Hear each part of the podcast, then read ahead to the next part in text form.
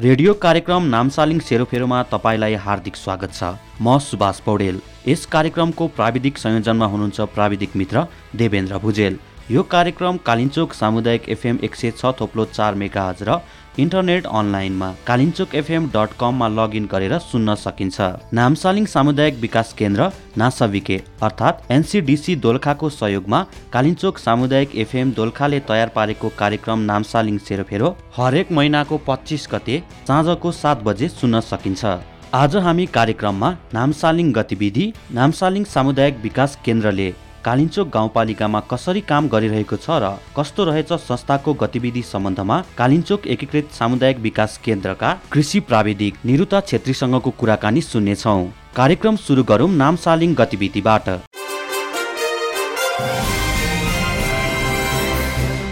नामसालिङ सामुदायिक विकास केन्द्रले कालिन्चोक गाउँपालिका वडा नम्बर एक पाँच र छमा पच्चिसजना कृषकहरूलाई प्लास्टिक टनेल वितरण गरेको छ। साथै पचपन्नजना कृषकहरूलाई चार सय केजी गहुँको मूल बिउ वितरण गरेको छ र समुदायमा रहेको उन्नाइसवटा कृषि समूहहरूको बैठक सम्पन्न गरेको छ। दिपजङ साना किसान सहकारी मार्फत नौवटा समूहको बैठक पनि सम्पन्न गरेको छ। अधिप बचत तथा ऋण सहकारी संस्थालाई संस्थागत सहयोग बापत ल्यापटप उपलब्ध गराएको छ। साथै यस नामसालिङ सामुदायिक विकास केन्द्रले समुदायमा लैङ्गिक समानता तथा समावेशीकरण स्वास्थ्य सरसफाइ सम्बन्धी छलफल पनि सम्पन्न गरेको छ। कालिन्चोक गाउँपालिका वडा नम्बर छ र एकमा पचपन्नजना सहभागीहरूलाई पशुपालन तथा भक्का र सुधार तालिम सम्पन्न गरेको छ। यस सामुदायिक विकास केन्द्रले सहकारी कर्मचारीहरूको क्षमता अभिवृद्धिका लागि तिन दिने लेखा व्यवस्थापन तथा सफ्टवेयर सम्बन्धी तालिम सम्पन्न गरेको छ।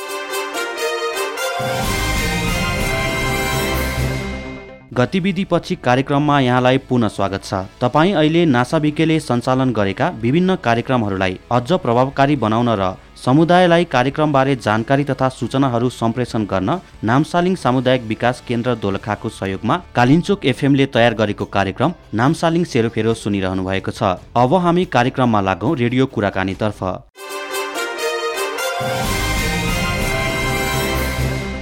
प्रकृति र धार्मिक हिसाबले राम्रो मानिएको दोलखाको कालिन्चोक गाउँपालिकामा नामसालिङ सामुदायिक विकास केन्द्रको परियोजनाले कस्तो प्रभाव पारिरहेको छ लगायतका विषयमा कालिन्चोक एकीकृत सामुदायिक विकास केन्द्रका कृषि प्राविधिकसँग हाम्रा सहकर्मी जीवन लामाले कुराकानी गर्नुभएको छ। अबको प्रसारणमा यो कुराकानी।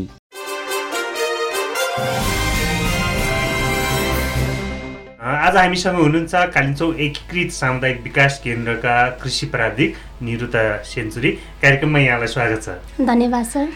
यहाँ विगत तिन वर्षदेखि यस कृषि क्षेत्रमा अथवा कालिम्चोक एकीकृत सामुदायिक विकास केन्द्र अन्तर्गत कालिम्चोक गाउँपालिकाको वडा नम्बर एकमा कार्यरत रहिरहँदाखेरि किसानले कृषिसँग सम्बन्धित कस्ता खालका समस्याहरू कस्ता खालका गुनासोहरू चाहिँ यहाँहरू समक्ष राखिरहेका छन् अहिले सर्वप्रथम त नमस्कार।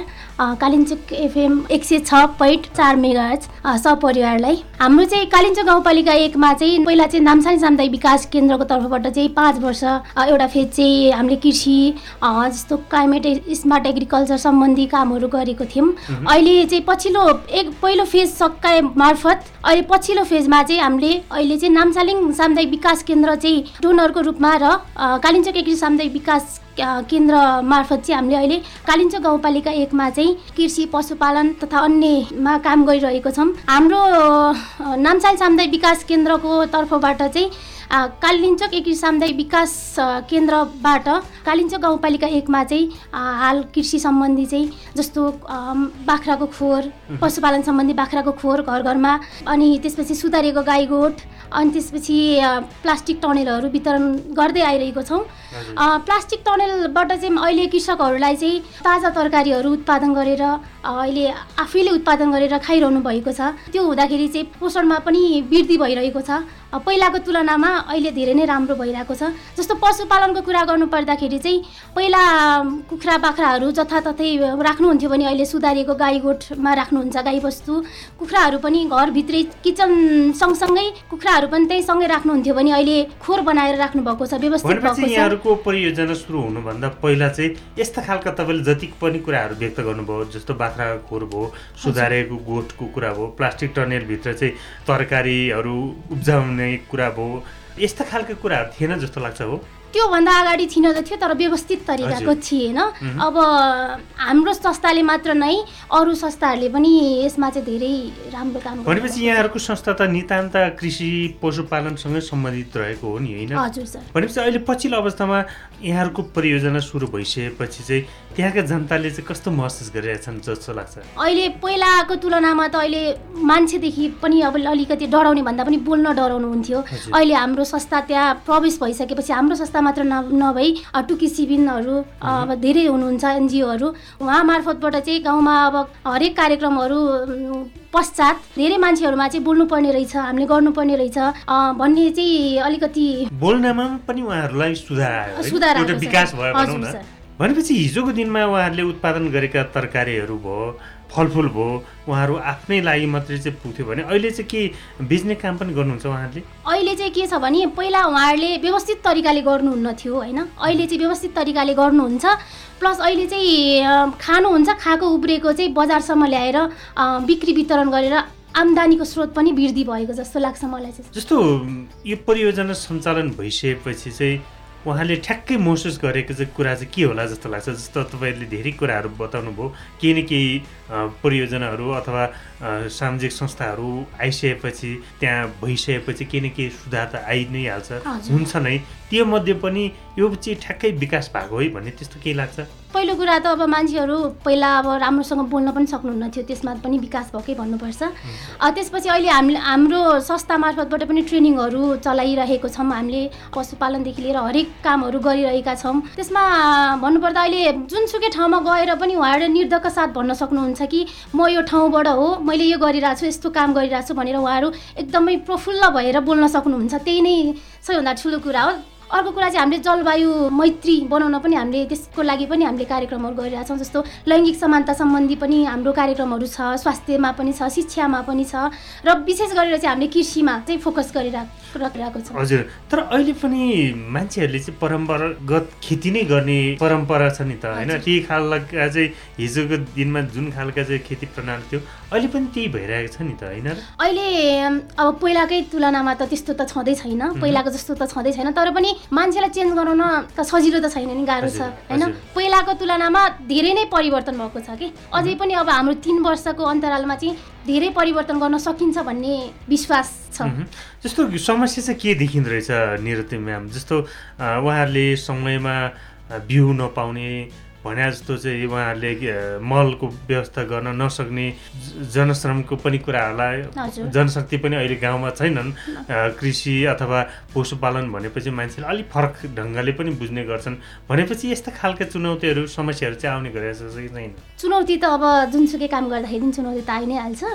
भए पनि अहिले हाम्रो चाहिँ के छ भने बिउ बिजनदेखि लिएर हरेक कुरा हामीले नामसालिङ सामुदायिक विकास केन्द्रको तर्फबाट अहिले कालिम्चोकी सामुदायिक विकासबाट चाहिँ हामीले वितरण गरिरहेका छौँ। अहिले पहिला त हामीले बिउ बिजन हरेक वितरण गर्थ्यौँ भने अहिले चाहिँ हामीले बिउ बिजन चाहिँ आफैले उत्पादन गर्नुपर्छ है भन्ने कुरामा चाहिँ उहाँहरूलाई अलिकति सक्रियता अथवा उहाँहरूलाई नै सिकाउने पनि तालिमहरू पनि दिइरहेको छौँ क्या बिउ कसरी उत्पादन गर्ने बिउ भण्डारण कसरी गर्ने। हामीले बिउ भण्डारण गर्नको लागि टिनको त्यो ड्रमहरू पनि वितरण गरेको छौँ। यो वर्ष योभन्दा अगाडिको वर्ष। त्यही भएर चुनौती त जुनसुकै काममा पनि भइहाल्छ तर पनि त्यति धेरै नहोला कि भन्ने। अब जस्तो अब उहाँ त कालिम्चोक एक भनेको त अब जस्तो यहाँको रासायनिक जस्तो विषादीहरू पनि प्रयोग गरिँदैन होइन?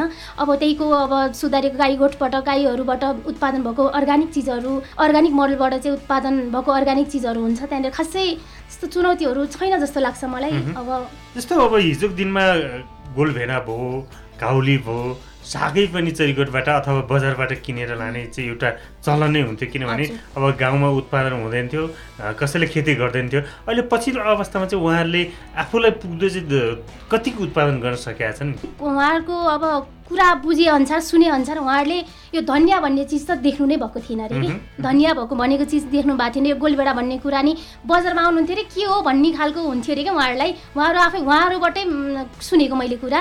म त तिन वर्ष भयो उहाँ त्यहाँ काम गरेको। त्यसो भन्नुहुन्थ्यो अहिले हामीले ताजा तरकारी के? पहिला हामीले एउटा आलुमा झोल हालेर पानी हालेर खान्थ्यौँ भने अहिले हामीले तिन चार थरीको तरकारी अचार गोलबेडाबाट अचार होइन विभिन्न थरीको तरकारीहरू बनाएर खान सक्छौँ भनेर भन्ने कुराहरू आएको छ क्या सर। अहिले पहिलाको तुलनामा त धेरै नै राम्रो छ। अझ अझ राम्रो बनाउन चाहिँ के गर्नुपर्छ भन्नेतिर लागिरहेको छ। तपाईँ त अब तिन वर्ष चाहिँ एउटै क्षेत्रमा कार्यरत रहनु भएको छ एउटा कुरा। अर्को कुरा चाहिँ अब नेपाल कृषि प्रधान देश पनि भनिरहँदाखेरि अझ त्यही क्षेत्रमा कालिम्पोङ गाउँपालिका वडा नम्बर एकमै चाहिँ त्यस्ता सम्भावित खेती केही देख्नु भएको छ? अब कालिम्चोक एक भनेको चाहिँ अब अलि लेक पनि पर्छ लेक साइड। पनि हो। त्यहाँनिर फेरि आलु चाहिँ एकदमै हुने ठाउँ एकदमै होइन। मैले देखेको चाहिँ त्यहाँनिर अरू कुनै पनि खेती नगरेर आलु मात्रै खेती गर्यो भने पनि त्यहाँको मान्छेहरूले को जीवन सुधार हुनसक्छ। कि जस्तो मलाई लाग्छ। अरू त खासै अब जस्तो गोलबेडा पनि टनलभित्र मात्रै हुन्छ बाहिर हुँदैन। जस्तो अब अब अहिले बर्खा लाग्यो बर्खामा पनि पानी बढी भएर गोलबेडाहरूलाई अब ढुसी लाग्ने रोगहरूले रोग रोगहरूको प्रकोप बढी भन्दा बढी देखिन्छ। अब फेरि चिसो लाग्छ फेरि चिसोमा पनि धेरै बचाउन गाह्रो हुन्छ होइन? टनेल भयो भने मात्र उत्पादन गर्न सकिन्छ नत्र त सकिँदैन सम्भवै छैन। तर आलु भनेको त त्यहाँनिर जस्तो अवस्थामा पनि उत्पादन गर्न सकिन्छ। त्यही भएर त्यस त्यो आलु खेतीलाई चाहिँ अलिक प्राविधिक तरिकाबाट गर्न सक्यो भने चाहिँ त्यहाँको जनताहरूको अथवा त्यहाँको समुदायको जीवन स्तर उकासिन्छ कि जस्तो। लाग्छ मलाई चाहिँ। एउटा कुरा त्यो पनि भयो। अर्को कुरा चाहिँ मान्छेले आफूलाई चाहिने मात्रै उत्पादन गर्ने र छिमेकीले लगाएको तरकारीहरू चाहिँ सापटको रूपमा। मागेर चाहिँ खाने चलन पनि छ उहाँलाई व्यावसायिक रूपमा नै हामीले यो खेती गर्नुपर्छ र यो यो खालका तरकारीहरू उब्जाउन उब्जनी गर्न सक्यो भने नजिकैको बजारमा पनि हामी बिक्री गर्न सक्छौँ भनेर उहाँलाई त्यसरी व्यावसायिक रूपमा पनि तालिमहरू दिने गरेका छौँ हामीले। हजुर सर हामीले अब विगत अब पाँच वर्षको फेज त सकिसक्यो। हामीले पहिला पनि धेरै तालिमहरू जस्तो पशुपालन ट्रेनिङ दिन्छौँ हामी तालिम दिन्छौँ। त्यसैपछि हामीले अब उहाँहरूलाई सपोर्टको रूपमा के व्यवसाय गर्नको। लागि कम्तीमा पनि धेरै पैसा लाग्छ नि त एक डेढ लाख दुई तिन लाख त लाग्छ। तर हामीले धेरै नसके रूपमा उहाँहरू तिनजना पाँचजना सातजनाको टिम बनाएर। समिति बनाएर पनि गर्न सकिन्छ गर्न सकिन्छ। समूह। योचोटि अब हामीले योभन्दा अगाडि पनि गर्न त गरियो तर अब अबको सोच भनेको चाहिँ हाम्रो त्यस्तै गरी बरु धेरै लगानी बरु झ्याप्प गराउने अनि त्यही अनुसारले बरु दुई तिनजना टिम मिलाएर हामीले त्यही अनुसारले ठुलो खालको व्यवसाय गर्ने कि भन्ने सोच पनि छ सर। हजुर।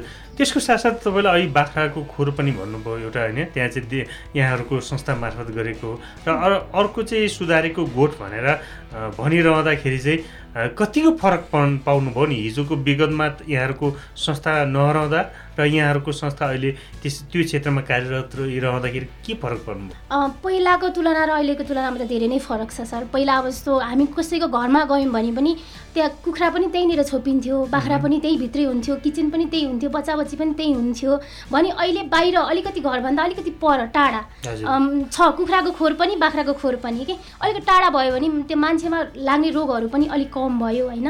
अब त्यो कारणले गर्दाखेरि चाहिँ पहिलाको तुलनामा अहिले धेरै राम्रो छ अझ अझ राम्रो कसरी बनाउने भन्ने सोच। हजुर अझै पनि यहाँहरूको संस्थाको अवधि छ नै होइन? त्यो क्षेत्रमा काम गर्ने। यहाँहरूको संस्था रहन्जेलसम्म चाहिँ उहाँहरूले यहाँले भनेको कुरा मान्लान् गर्लान्।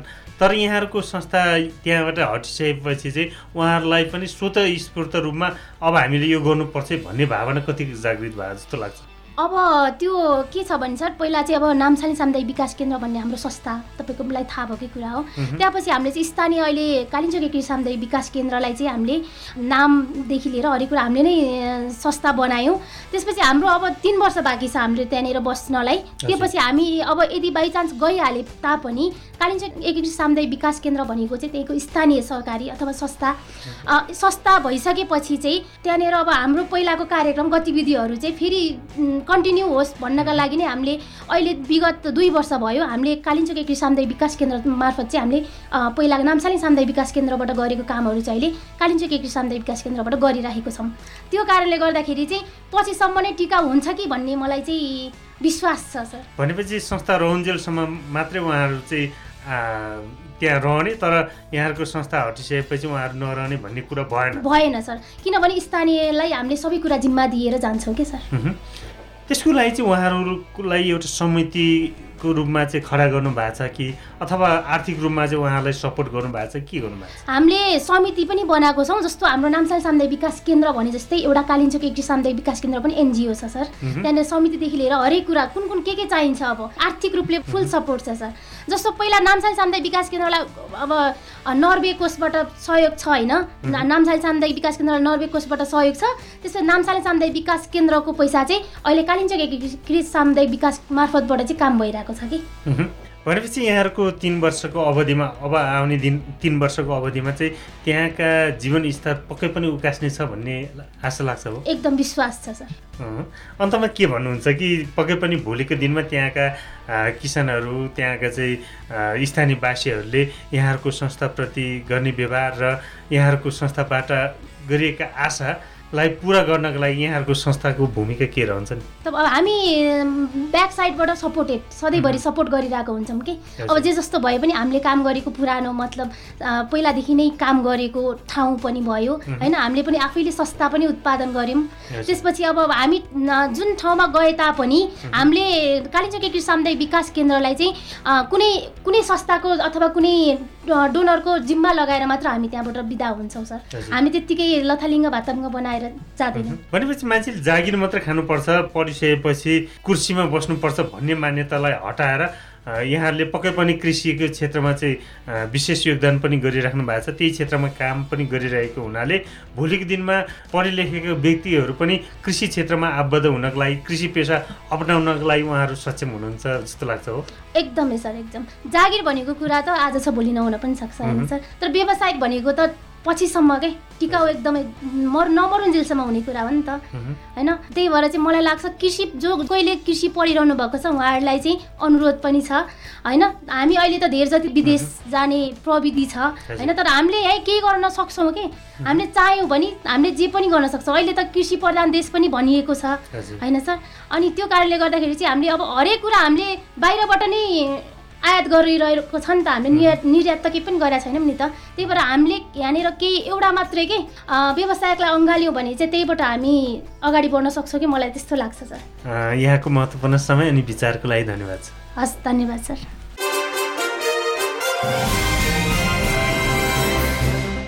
इलाम लगायत नेपालको करिब पच्चिस जिल्लामा आफ्ना विभिन्न कार्यक्रम गतिविधिहरू सञ्चालन गरिरहेको नामसालिङ सामुदायिक विकास केन्द्रको एक जिल्ला हो दोलखा। दोलखामा गत दुई हजार बहत्तर साल वैशाख बाह्र र उन्तिस गतेको विनाशकारी भूकम्प पश्चात तत्काल राहत वितरणका लागि यस संस्थाले राहत सामग्री बाँड्ने काम गरेको थियो। त्यसपछि दोलखा जिल्ला दैविक प्रकोप उद्धार समिति र दोलखा जिल्ला स्थित विभिन्न निकायहरूको समन्वयमा यस नासाविकेले दुई हजार त्रिहत्तर सालदेखि साबिक कालिन्चोक गाविसमा विभिन्न कार्यक्रम सञ्चालन गर्दै आइरहेको थियो भने दुई हजार चौहत्तर सालको सुरुबाट कालिन्चोक गाउँपालिकामा आफ्नो कार्यक्रमहरू विस्तार गरेको छ।